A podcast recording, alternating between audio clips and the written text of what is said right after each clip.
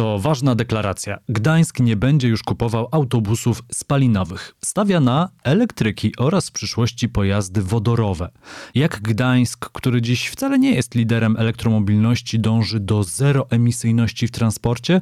Jak wpisuje się to w szerszą strategię miasta i co z systemem roweru miejskiego, czy raczej metropolitalnego w Trójmieście? O tym porozmawiamy z Piotrem Borawskim, wiceprezydentem Gdańska.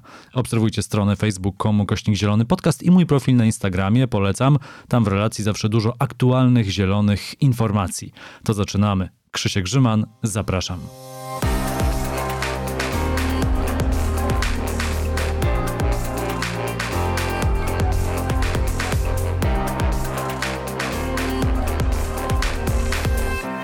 Gościem Zielonego Podcastu jest Piotr Borawski, zastępca prezydenta Gdańska do spraw przedsiębiorczości i ochrony klimatu. Dzień dobry.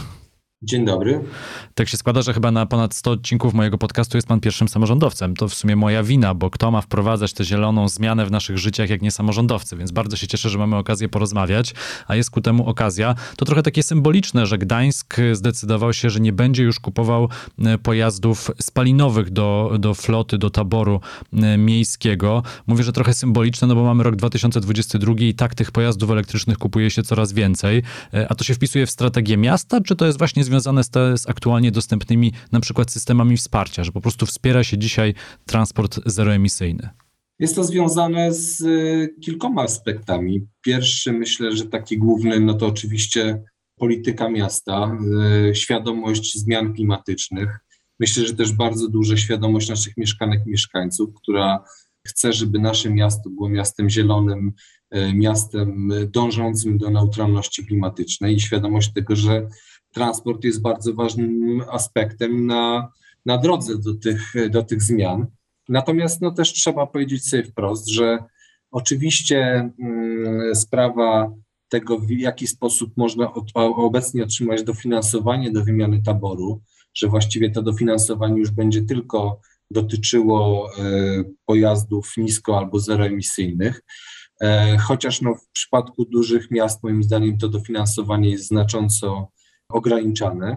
E, natomiast no, mamy także my jako miasto tą specyfikę, że Gdańsk jest położony na górnym i dolnym tarasie, pomiędzy którymi jest bardzo dosyć duże wzniesienia.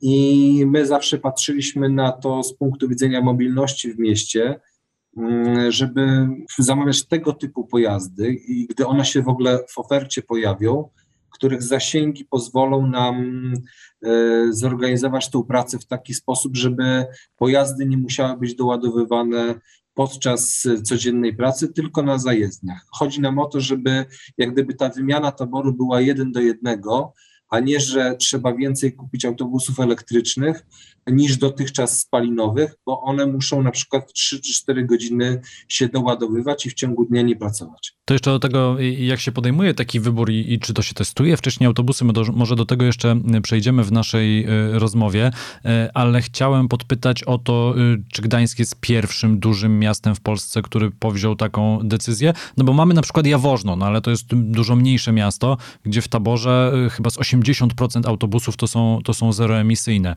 głównie głównie y, Solarisy. A z dużych miast y, Gdańsk jest liderem tej zmiany?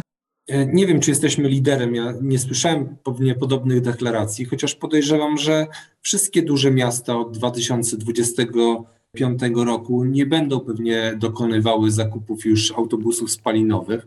Także być może myśmy to głośno powiedzieli, mocno zaakcentowali.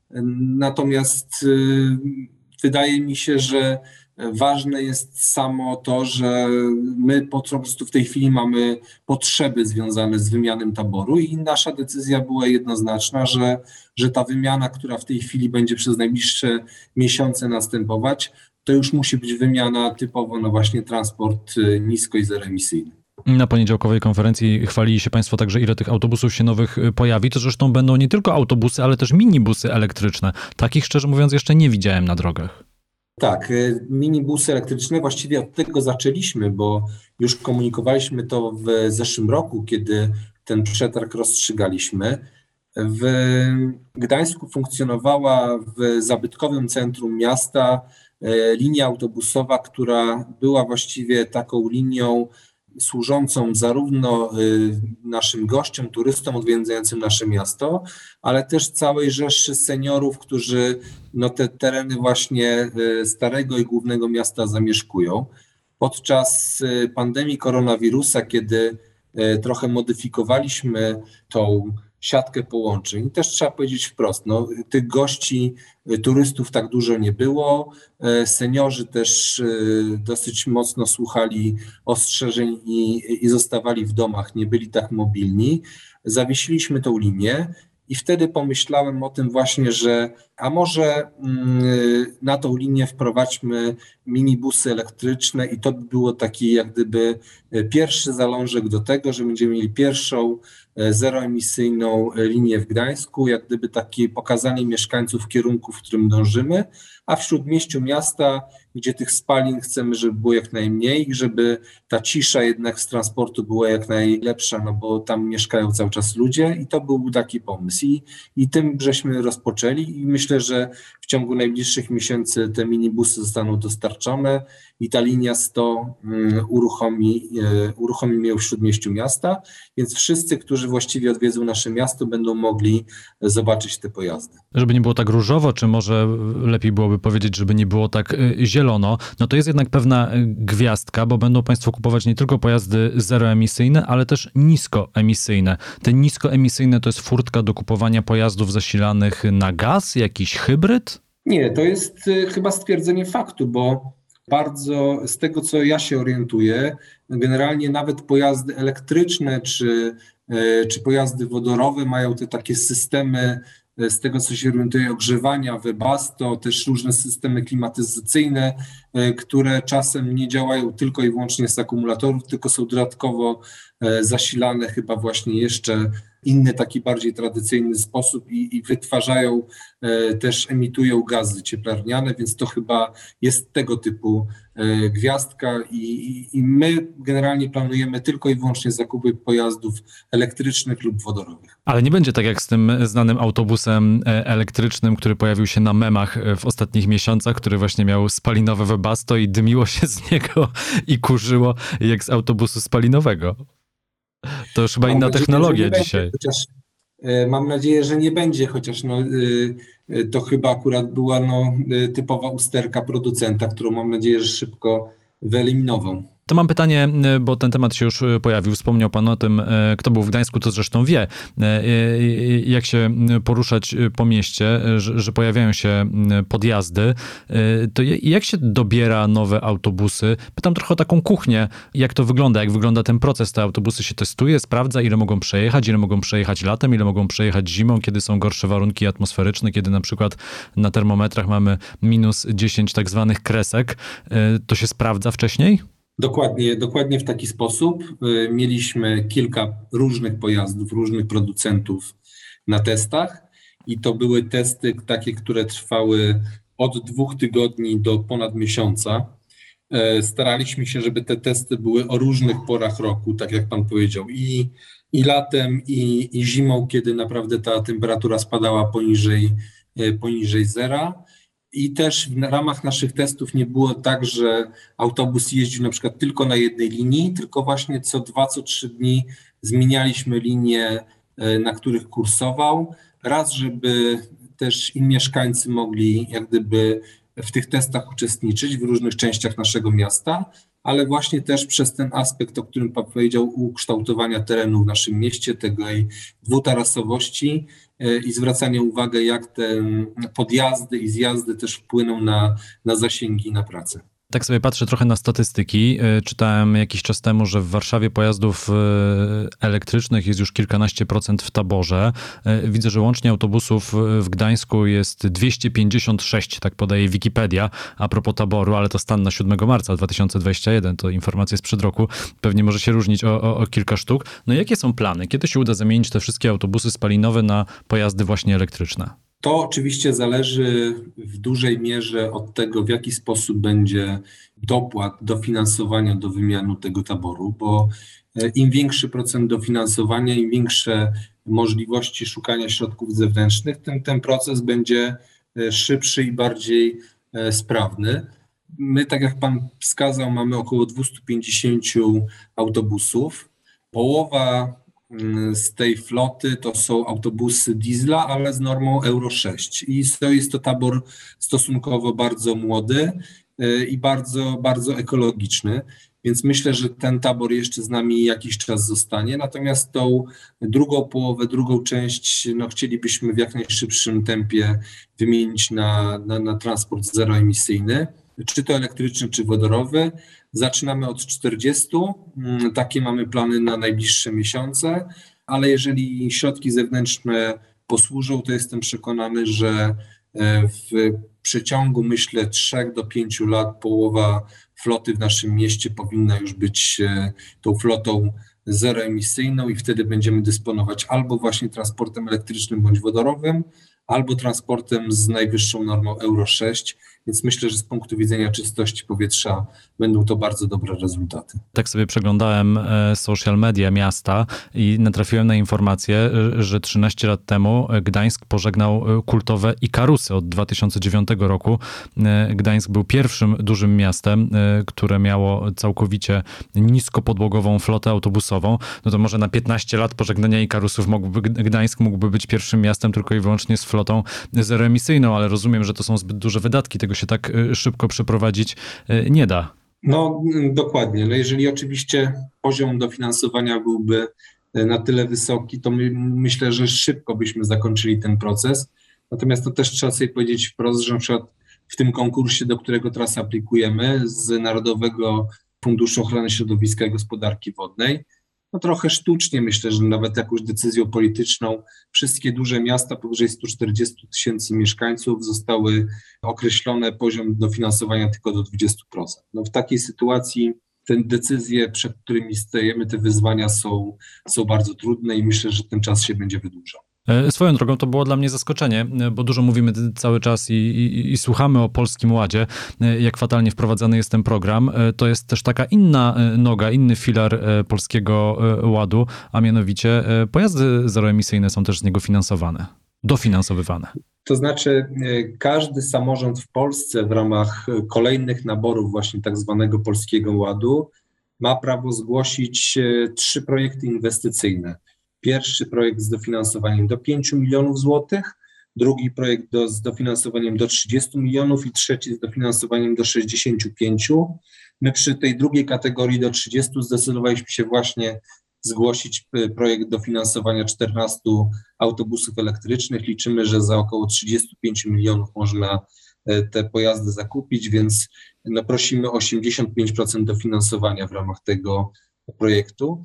Natomiast no, jest to niestety obarczone takim faktem, że, że to jest aplikacja, która będzie albo pozytywnie, albo negatywnie rozpatrzona. No, wolelibyśmy jednak, żeby ta samorządność była tradycyjną samorządnością, to znaczy, żeby nie zależała od decyzji centralnych, tylko żebyśmy na szczeblu samorządowym wiedzieli, jakim dysponujemy budżetem i dysponowali mm, w ramach niego na te priorytety, które chcemy sobie w mieście ustanowić. To zostawmy już politykę, e, a mam pytanie e, takie trochę technologiczne, ale to ciekawe dla słuchaczy, bo mówiliśmy tu trochę w podcaście kiedyś o zielonym e, wodorze. Wiemy, że wodór to jest dobre rozwiązanie właśnie dla większych pojazdów, czyli na przykład dla ciężarówek, czyli na przykład dla autobusów. Jak się miasto, jak się samorząd zapatruje na, na te rozwiązania i, i z czym się to wiąże? No, każdy pojazd zeroemisyjny będzie wymagał jakiegoś typu zasilania zasilania, ładowania. W przypadku autobusów y, elektrycznych to będą e, ładowarki, a w przypadku autobusów wodorowych pewnie specjalna stacja. Tak, na pewno specjalna stacja. Autobusy wodorowe to jest według mnie bardzo ciekawe, ale bardzo duże wyzwanie, bo z jednej strony mamy e, właśnie kwestię stacji ładowania, więc troszeczkę uciekamy od sytuacji autobusu elektrycznego, który na to doładowanie potrzebuje wielu godzin. Tutaj właściwie ten wodór ładujemy trochę tak, jakbyśmy go tankowali i tak, jakbyśmy tankowali e, zwyczajne paliwo diesla, e, więc te czasy są skrócone. No ale z drugiej strony mamy sytuację taką, że dostępność jeszcze paliwa wodorowego no jest ograniczona. Jest to rozgraniczenie pomiędzy tak zwanym zielonym wodorem a szarym wodorem, czyli w jaki sposób on zostaje pozyskany. No jest oczywiście też cena, która niestety w tej chwili jest bardzo wysoka, jeżeli mówimy i zarówno jeżeli chodzi o zakup pojazdu, jak i e, samą cenę paliwa wodorowego.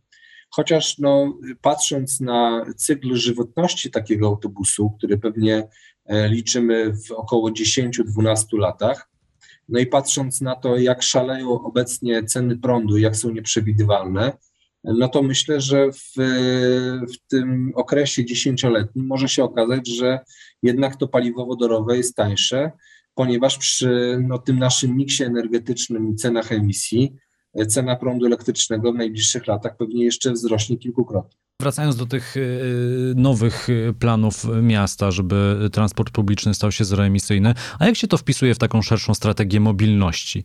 No bo każde miasto musi dzisiaj myśleć szerzej o mobilności niż tylko o tym, że y, mieszkańcy mają swoje prywatne samochody, jest transport publiczny, no przecież są jeszcze takie środki transportu chyba osobistego to się nazywa, czyli hulajnogi, są rowery miejskie, zresztą Trójmiasto nie ma dobrych doświadczeń z rowerem miejskim, nie wiem czy w ogóle jest teraz system działający, Pamiętamy porażkę firmy Nextbike y, na Pomorzu. Y, jak się to wszystko ze sobą łączy, jak się wpisuje i co mieszkańców Trójmiasta, w szczególności Gdańska, czeka? To też ciekawe zagadnienie, ponieważ no, w tym całej piramidzie mobilności myślę, że jednak pandemia koronawirusa obcisnęła duże piętno. No naszą, naszą strategią było właściwie takie doprowadzenie chyba do sytuacji, w której Jedna trzecia podróży po naszym mieście to będą podróże e, transportem zbiorowym, jedna trzecia to będą podróże piesze i rowerowe i jedna trzecia to będą e, takim transportem indywidualnym. Myślę, że, że do takich statystyk dążyliśmy przez różnego rodzaju nasze działania. E, no niestety pandemia koronawirusa myślę, że wprowadziła no też przez pewne obawy ludzi nad transportem zbiorowym, że albo wybierają właśnie poruszanie się pieszo czy rowerami, albo jednak częstsze używanie transportu indywidualnego. Myślę, że też ten rozwój tych indywidualnych środków transportu właśnie typu e, hulajnogi, e, e-skutery też bardzo wpływa na, na, na mobilność w mieście. Więc no, do takiej generalnie piramidy dążymy. Chociaż no też trzeba powiedzieć, że te najbliższe miesiące myślę, że w momencie wychodzenia z pandemii będą też kluczowe dla transportu publicznego i odzyskiwania, odzyskiwania pasażerów. Jednym z tych przykładów, w jaki sposób chcemy odzyskiwać pasażerów, jest właśnie także pokazywanie nowego taboru i taboru zeroemisyjnego. Myślę, że to dla naszych mieszkańców istotne i ważne. Panie prezydencie, grasowy polityk, uniknął pan odpowiedzi na pytanie o ten rower miejski. E, no to jeszcze dopytam dla porządku. To będzie rower miejski w, w, w Trójmieście, a w szczególności w Gdańsku e, latem, e, czy, czy może już na wiosnę? Bo przetarg został rozstrzygnięty z tego, co kojarzę. Przetarg został rozstrzygnięty, ale znaczy było odwołanie od tego przetargu. W ostatnich dniach e, sąd nie zatwierdził tego odwołania, w związku z tym nie ma żadnych przeszkód do podpisania umowy. Dążymy do tego, żeby jak najszybciej ta umowa została zmaterializowana i rower miejski się w naszym mieście pojawił, ale obawiam się, że tak duży projekt spowoduje, że nie nastąpi to jeszcze przed sezonem E, tegorocznym, że raczej tym rowerem pojedziemy albo e, jesienią tego roku, albo dopiero w przyszłym roku, ale robimy wszystko, żeby, żeby jak najszybciej ten rower powrócił do, do naszego miasta i do całej metropolii, bo taki to metropolitalny projekt jest. To w takim razie y, trzymam kciuki, chociaż jestem z pochodzenia Ślązakiem, to moja siostra od kilkunastu lat mieszka y, w Gdańsku, a od ponad roku już moi rodzice mieszkają pod Gdańskiem, więc no te tematy mi są y, coraz bliższe. Bardzo dziękuję za rozmowę i przepraszam za odrobinę prywaty na koniec. Piotr Borawski, zastępca prezydenta Gdańska do spraw przedsiębiorczości i ochrony klimatu, był gościem Zielonego Podcastu. Dziękuję pięknie, pozdrawiam. To był Zielony Podcast, kolejny odcinek w niedzielę. W wolnym czasie zajrzyjcie na stronę facebook.com kośnik Zielony Podcast i mój profil na Instagramie. Krzysiek Grzyman, do usłyszenia.